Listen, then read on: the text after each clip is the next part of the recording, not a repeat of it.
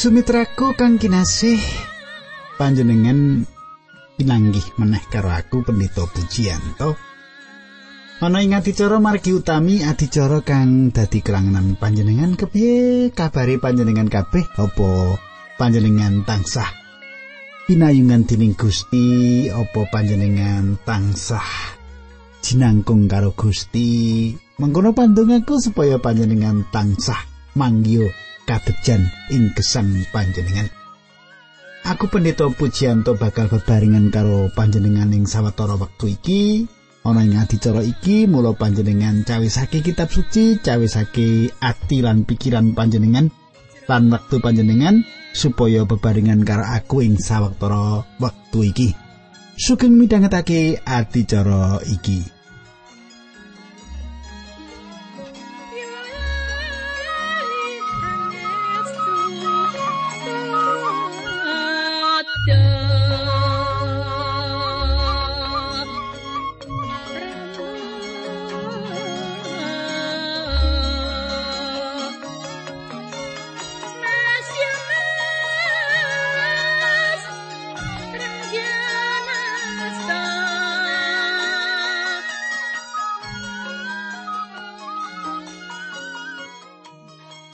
Para pamirsa, ing kepungkur aku wis ngandharake perkara kepiye anggone wong loro ing antarane para murid Gusti Yesus kepengin lungguh jejer karo Gusti Yesus sing siji ing sisih tengen lan sing siji ing sisih kiwa. Ye tapi Gusti Yesus wis tak aturake karo panjenengan lan nalika semono ketemu karo wong buta loro kang kepengin diwarasake.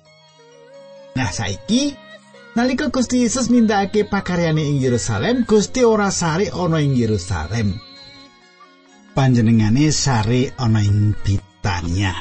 Nang sadurunge kuwi monggo panjenengan tak derekake ndedonga. Sadurunge ndedonga aku bakal ngaturake salam iki. Adicara marga utami wis ana surat ya saka Pak Yohanes Priyo Widakdo ya. Pak Yohanes Priyo Widakdo kados pundi pawartos panjenengan. Pak serah panjenengan sampun kawula tampi. Malah kula sampun telepon makaping-kaping dumateng panjenengan nggih. Kula mangke menawi lewat wonten kita panjenengan kebumen. Kula bagi mampir wonten ing dalem panjenengan Pak Priyo. Nah ayo kita ndedonga bebarengan Kanjeng Rama ing swarga kawula ngaturaken gunging panuwun menawi wekdal menika kawula saged tetunggilan kawula ndongaaken sedaya sedherek kawula ingkang midhangetaken adicara menika supados paduka berkahi. Dinambaran asmanipun Gusti Yesus Kristus kawula ndedonga haleluya amin.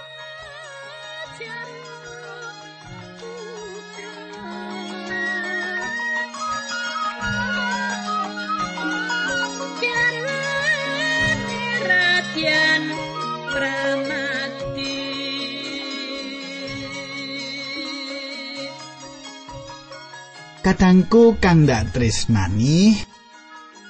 Sepisan maneh tak aturake nalika Gusti nindakake pakaryane ing Yerusalem Gusti ora sare ana ing Yerusalem. Panjenengane sare ana ing Betania. Nalika esuke tindak meneh menyang Yerusalem panjenengane rumaos luwi kerapan. Matius selikur ayat 18 panjenengan buka saiki aku nganggo basa pedinan Matius likur ayat 12 nganti 19. Mengkene surasane pangandikane Gusti. Esuke nalika tindak menyang kutha Yerusalem meneh ana ing dalan Gusti Yesus kraos luwi. Bareng mirsa wit anjir ana ing pinggir dalan, nuli dipuruki nanging panjenengane ora manggih wong siji-sijia sing ana mung godhong tok. Mulane wit mau banjur dingendikani kowe ora bakal ngetokake woh meneh ing salawas-lawase sanalika wit anjir mau dadi garing. Katangku wit anjir utawi ora wit anjir utawa ora iki gambarake uripe bangsa Israel kaya sing disebutake ing Matius pasal 24 Nalika Gusti Yesus rawuh ing donya, bangsa iki ora nuduhake uwing rohani. Mung arupa tumindak-tumindak sing sipate mung acara-acara agama utawa ritual lan ora ana kemajuane apa-apa. Ora ana woe. Mung godhong sing ana. Nindakake pepakone agama nanging ora duweni kekuatan rohani. Yen pesamuane gereja-gereja kaya kahanan wit anjir sing tak aturake mau. Ora mokal yen Gusti uga bakal tumindak kaya marang wit anjir mau. Saiki ayat 30 bareng para murid Gusti Yesus padha weruh lelakon sing kaya mengkono mau padha gumun banget. Banjur matur marang Gusti Yesus kados pundi? Dene wit anjir menika saged garing sanalika. Wah, ngira-miramake. Para murid atine padha geter ndeleng kahanan sing kaya mengkono ki mau. Mosok wit anjir.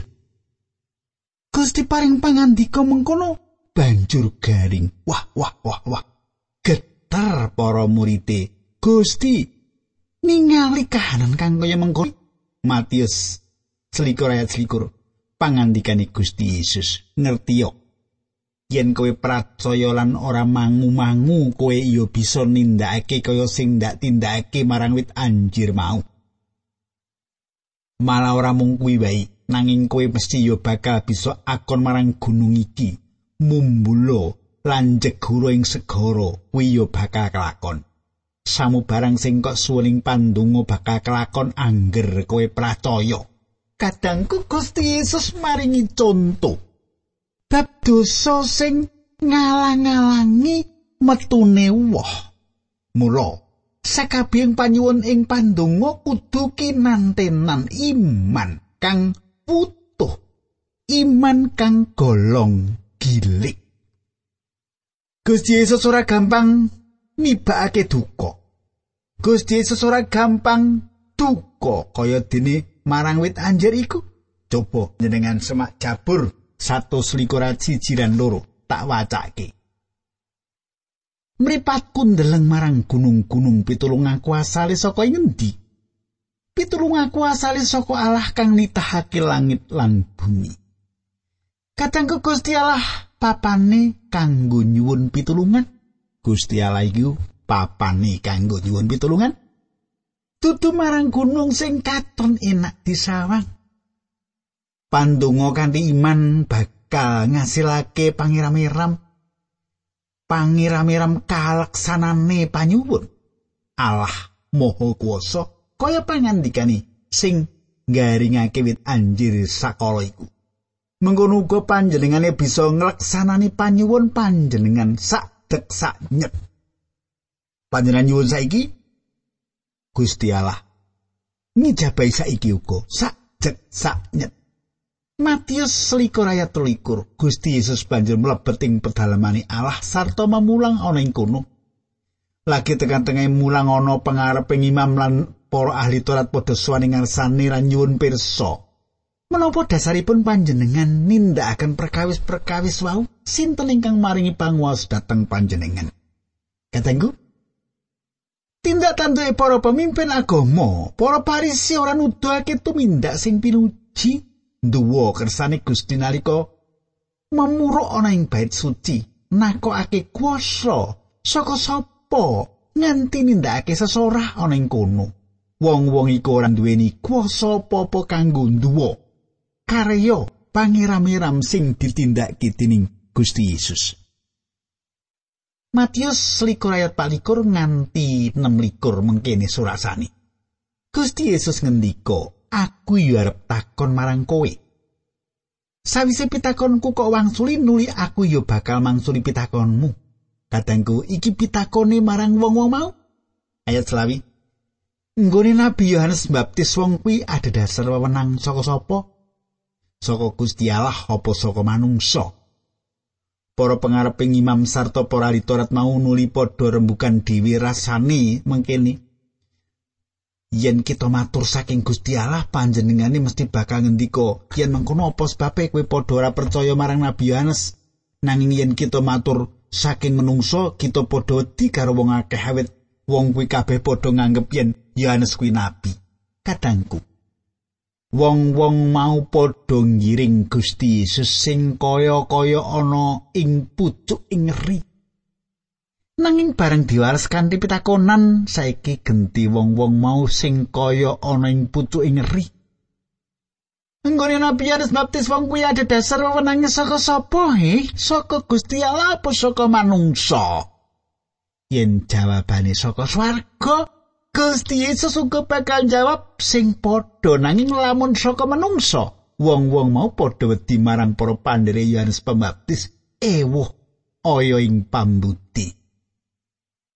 Kadangku padha-padha angel dijawab. Saiki Matius selikur ayat 17. Pusana padha matur marang Gusti Yesus, kula sami mboten mangertos Gusti Yesus banjur ngendika yen mengkono. Kowe yo ora ndak kandhani, sapa sing paring panguwasa marang aku nindakake perkara mau kabeh. Kadangku kahanan dadi tegang, malah ing sawijining wektu Gusti Yesus luwih ngaosi para lonte. Ngajeni para lonte, ngajeni para pelacur lan pemumpu beo ketimbang para ahli agama lan parisi mau. Pasemon bab wong sing duwe anak lanang loro. Matius likur ayat likur, songo likur telung puluh telung siji tak waca iki ya. Gusti Yesus banjur ngendika, saiki aku arep takon kepriye panemumu ing bab iki. Ana wong duwe anak loro, wong mau marani anake mrep lan muni le, Dina iki kowe nyambut gawe ing kebon anggur. Nanging anake mangsuli kula mboten purun. Sawise muni mengkono anak mau kedua nuli mangkat nyambut gawe.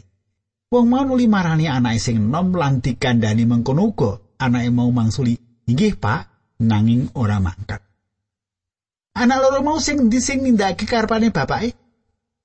Wangsulane wong-wong mau inggih ingkang sepuh pangandikane Gusti Yesus titenono para pegawi pajak lan para pelacur bakal luwih dhisik nggone dadi umat ing kraton ngalah ketimbang karo kowe. Engko para pemimpin agama ahli Torah lan pandhereke padha dadi kucem matine nampani pangino sing dingendikake Gusti Yesus kanthi gamblang mau. Gusti Yesus matake wong-wong mau karo anak sing nomor loro matur yo marang bapak nanging ora tumindak apa-apa pamumpu lan lonte. Isih luwih aji tinimbang para ahli Taurat lan Parisi mau. Akeh wong-wong sing padha ngaku Kristen ing tata lahiri nanging batine adoh saka paugeran urip Kristen ing sanyatane. Mula kitab suci nulis ngene. Loro Korinta 5 ayat 17 sing sapa nunggal karo Sang Kristus wong mau wis dadi titah anyar sing lawas wis sirna sing anyar tuwa. Kita terusake Matius likur ayat 32 mengkene surasani. Sebab Nabi Yohanes Pembaptis rawuh lan nuduhake dalan sing bener marang kowe. Ewa semono kowe padha ora percaya marang panjenengane nanging para wong durjana lan para pelacur padha percaya marang panjenengane. Dene kowe kabeh ora banjur ngowahi pikiranmu lan percaya marang panjenengane. Kadangku para pemimpin agama padha mentingake lahir wae. Tanpa mailu batin babar pisan. Nanging sing sapa percaya marang Gusti Yesus bakal ngalami urip anyar saka batin tumus sing tata lair. Gusti maringi pasemon bab juragan sing duweni kebun anggur. Tuan tanah utawa juragan iku pasemone Gusti Allah piyambak. Dene anake juragan iku pindhane Gusti Yesus Kristus. Saiki panjenengan semak. Matius likur ayat telung puluh telu, telung puluh papat, telung puluh lima, telung puluh enam lan telung puluh walu. Tak waca urutan. Mengkene surasani. Gusti Yesus ngendika padha rungokno pasemon iki ana wong sugih duwe kebon anggur. Kebon mau dipagri mubeng lan digawekake panggonan kanggo meres woh anggur, semono uga digawekake gubuk dhuwur kanggo jaga. Sawise kuwi kebon anggur mau disewakake marang wong sawetara, dene wong sugih manuli lunga menyang manca negara. Bareng wis wayahe panen, sing duwe kebon teka lan kongkonan para rewangi menyang panggonan wong-wong sing padha nyewa kebon anggur mau, dikon jaluk bagian pametune sing dadi hae. Ayat 35 nanging wong-wong sing padha diutus mau nuli dicekel dening sing padha nyewa kebun anggur mau ana sing digebuki ana sing dipateni lan ana sing dibenduri watu ayat 36 sing duwe kebon mau banjur utusan meneh rewang liyane cacahe luwih akeh katimbang karo sing dhisik nanging para utusan kuwi ngalami nasib utusan sing dhisik Wusana sing duwe kebon mau banjur kongkonan anake dhewe gagasane wong-wong kuwi mesti bakal iring karo anakku. Ayat 38. Kocapa wong sing padha nyewa mau bareng anake sing duwe kebon anggur teko, banjur padha rasanan mengkene. Lah iki anake teko, ayo padha dipateni wae supaya kita bisa oleh warisane. Kadangku pasemon sing pungkasan iki sing paling landhep saka Gusti Yesus ngarepe para pemimpin agama. Anake tuan tanah anake juragan iku ya Gusti Yesus piyambak sing lagi ngendika marang para pemimpin agama mau. Banjur apa sing ditindakake dening wong-wong mau? Ayat 39. Anake sing dikongkon mau nuli dicekel banjur diseret metu saka kebun anggur sarta dipateni. Ngedapi-dapi nggone orang duga-duga. Ayat 40. Pendangune Gusti Yesus yen sing duwe kebon anggur mau teka nuli wong sing padha nyewa mau bakal dikapakake. Nuli Gusti ngajak ngiling-iling isine perjanjian lawas apa werdine conto bab watu sing ditampik. Ayat petang siji Wangsurane sing padha didangu temtu kemawon tiang-tiang awon mau badhe dipun kejahi sedaya. Dene kebon anggur mau lajeng badhe dipun sewake dhateng tiang sanes ingkang sagah nyukani bagianipun ingkang gadah kebon anggur wau pendak panen. Ayat patang puluh nganti patang puluh papat. Mulane Gusti Yesus banjur ngendika, "Apa kowe padha durung tau maca ing kitab suci sing unine mengkene? Watu sing ditampik dening tukang batu kuwi wis dadi watu sing baku. Sing sapa tiba ing watu kuwi bakal ajur muwur lan sing ketiban watu mau bakal remuk. Kelakone prakara kuwi nggumunake awit saka pakaryane Gusti Allah. Mulane ndak kandhani kabeh wewenang nggonmu padha dadi umat ing kratone Allah bakal dijabel saka kowe lan diparingake marang bangsa liya sing bangun turut marang Dawi. Ayat patang peluru nganti patang papat tak beleni mulane Gusti Yesus banjur ngendika apa kowe padha durung tau maca ing kitab suci sing unine mengkene watu sing ditampik dening tukang batu kuwi wis dadi watu sing baku. Sing sapa tiba ing watu kuwi bakal ajur mumur lan sing ketiban watu mau bakal remuk. Kelakone perkara kuwi nggumunake awit saka pakaryane Gusti Allah. Mulane ndak kandhani, kabeh wewenang nggonmu padha dadi umat ing kratone Allah bakal dijabel saka kowe lan diparingake marang bangsa liya sing bangun turut marang Dawi. Katangku sing sapa tiba ing watu mau bakal ajur remuk tanpa tilas. Watu mau digambarake rawe Gusti Yesus ing kawitan ing jagat iki. Matius patang puluh lima, Matius selikur ayat patang puluh lima. Bareng para pangareping imam lan wong parisi ngrungu pasemone Gusti Yesus mau, banjur padha rumangsa yen sing disemoni kuwi dheweke. Katangku, wong-wong mau padha krasa atine yen sing dikersakake Gusti kuwi ya dhewe iku. Emane kabeh padha ora sadar. Malah klebing jaman samengko para tuwa-tuwane gereja uga akeh sing ora merduli pasemoni mau. Ayat 46. Wong-wong mau banjur padha ngudi kepriye bisane nyekel panjenengane nanging padha wedi karo wong akeh awit wong-wong mau padha nganggep yen Gusti Yesus kuwi nabi. kadangku. Saiki kita mlebu bab 22 yaiku bab kang isi pasmon, bab pesta nikah. Monggo ing pukasane pasal selikur para pemimpin agama padha ngarepake supaya Gusti Yesus disedani. Matius 22 ayat 2 telu papat 5 6 pitu wolu songo sepuluh tak wacake nganti 11 ya. Mengkini. Pangandikane kratone Gusti Allah kuwi kena diumpamake kaya pestane ratu sing mantokake putrani. Ratu mau ngutus para abdine nimbali wong-wong sing padha diulemi nanging wong-wong mau padha ora gelem teka. Nuli ratu mau ngutus utusan-utusan liyane sing padha diweling mengkene. Kondhuwa karo wong-wong sing padha ndak ulemi mau yen pahargyan manteni anakku wis katata. Sapi lanang lan pedet-pedet pilihan wis disembelih.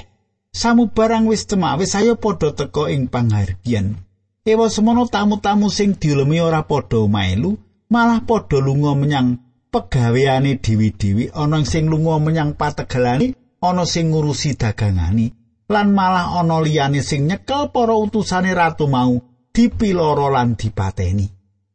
Mulane bareng mireng bab kuwi Sang Prabu duka banget banjur ngutus para prajurite didawi mateni wong-wong sing padha mateni utusane Sang Prabu mau. Sawise kuwi Sang Prabu nuli nimbali para abdini lan ngendika panghargyan manten wis cumawis nanging wong-wong sing dulumi padha ora pantes. Mulane saiki kowe padha lunga ing dalan-dalan gedhe pira lan sapa wae wong sing kok perang beli ing kono ulemono supaya teka ing panghargan manten iki. Para abdi mau ya tumuli padha mangkat kabeh wong sing diperang ing dalan-dalan gedhe padha dikumpulake ya wong ala iya wong becik. Panggonan panghargan nganti kebak tamu.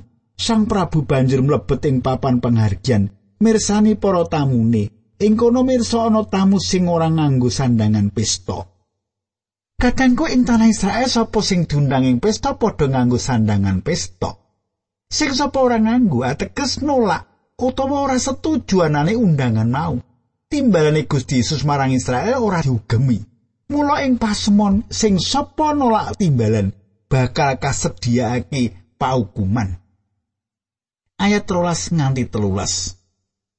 Tamu mau banjur didangu. Sedulur, kepriye dene kowe bisa mlebu tekan kene ora nganggo sandangan pesta. Tamu mau ora bisa mangsuli apa-apa. Sang Prabu banjur ngendika marang para abdi, wong iki bandanen lan wetokno saka kene lebokno ing panggonan sing peteng ing kono bakal ana tangis lan panggergeting untu. Kadangku semene dhisik aturku muga panjenengan keberkahan nganti pepanggian ing dina candake. Ayo kita ndedonga sesarengan. Kanjeng Rama ing swarga kawula ngaturaken gunging panuwun menawi wekdal menika kawula saged ngegilut pangandikanipun Gusti. Kalau suwun Gusti berkahi kawula berkahi sanak katang kawula sedaya linambaran asmanipun Gusti Yesus Kristus kawula netunggal. Haleluya. Amin.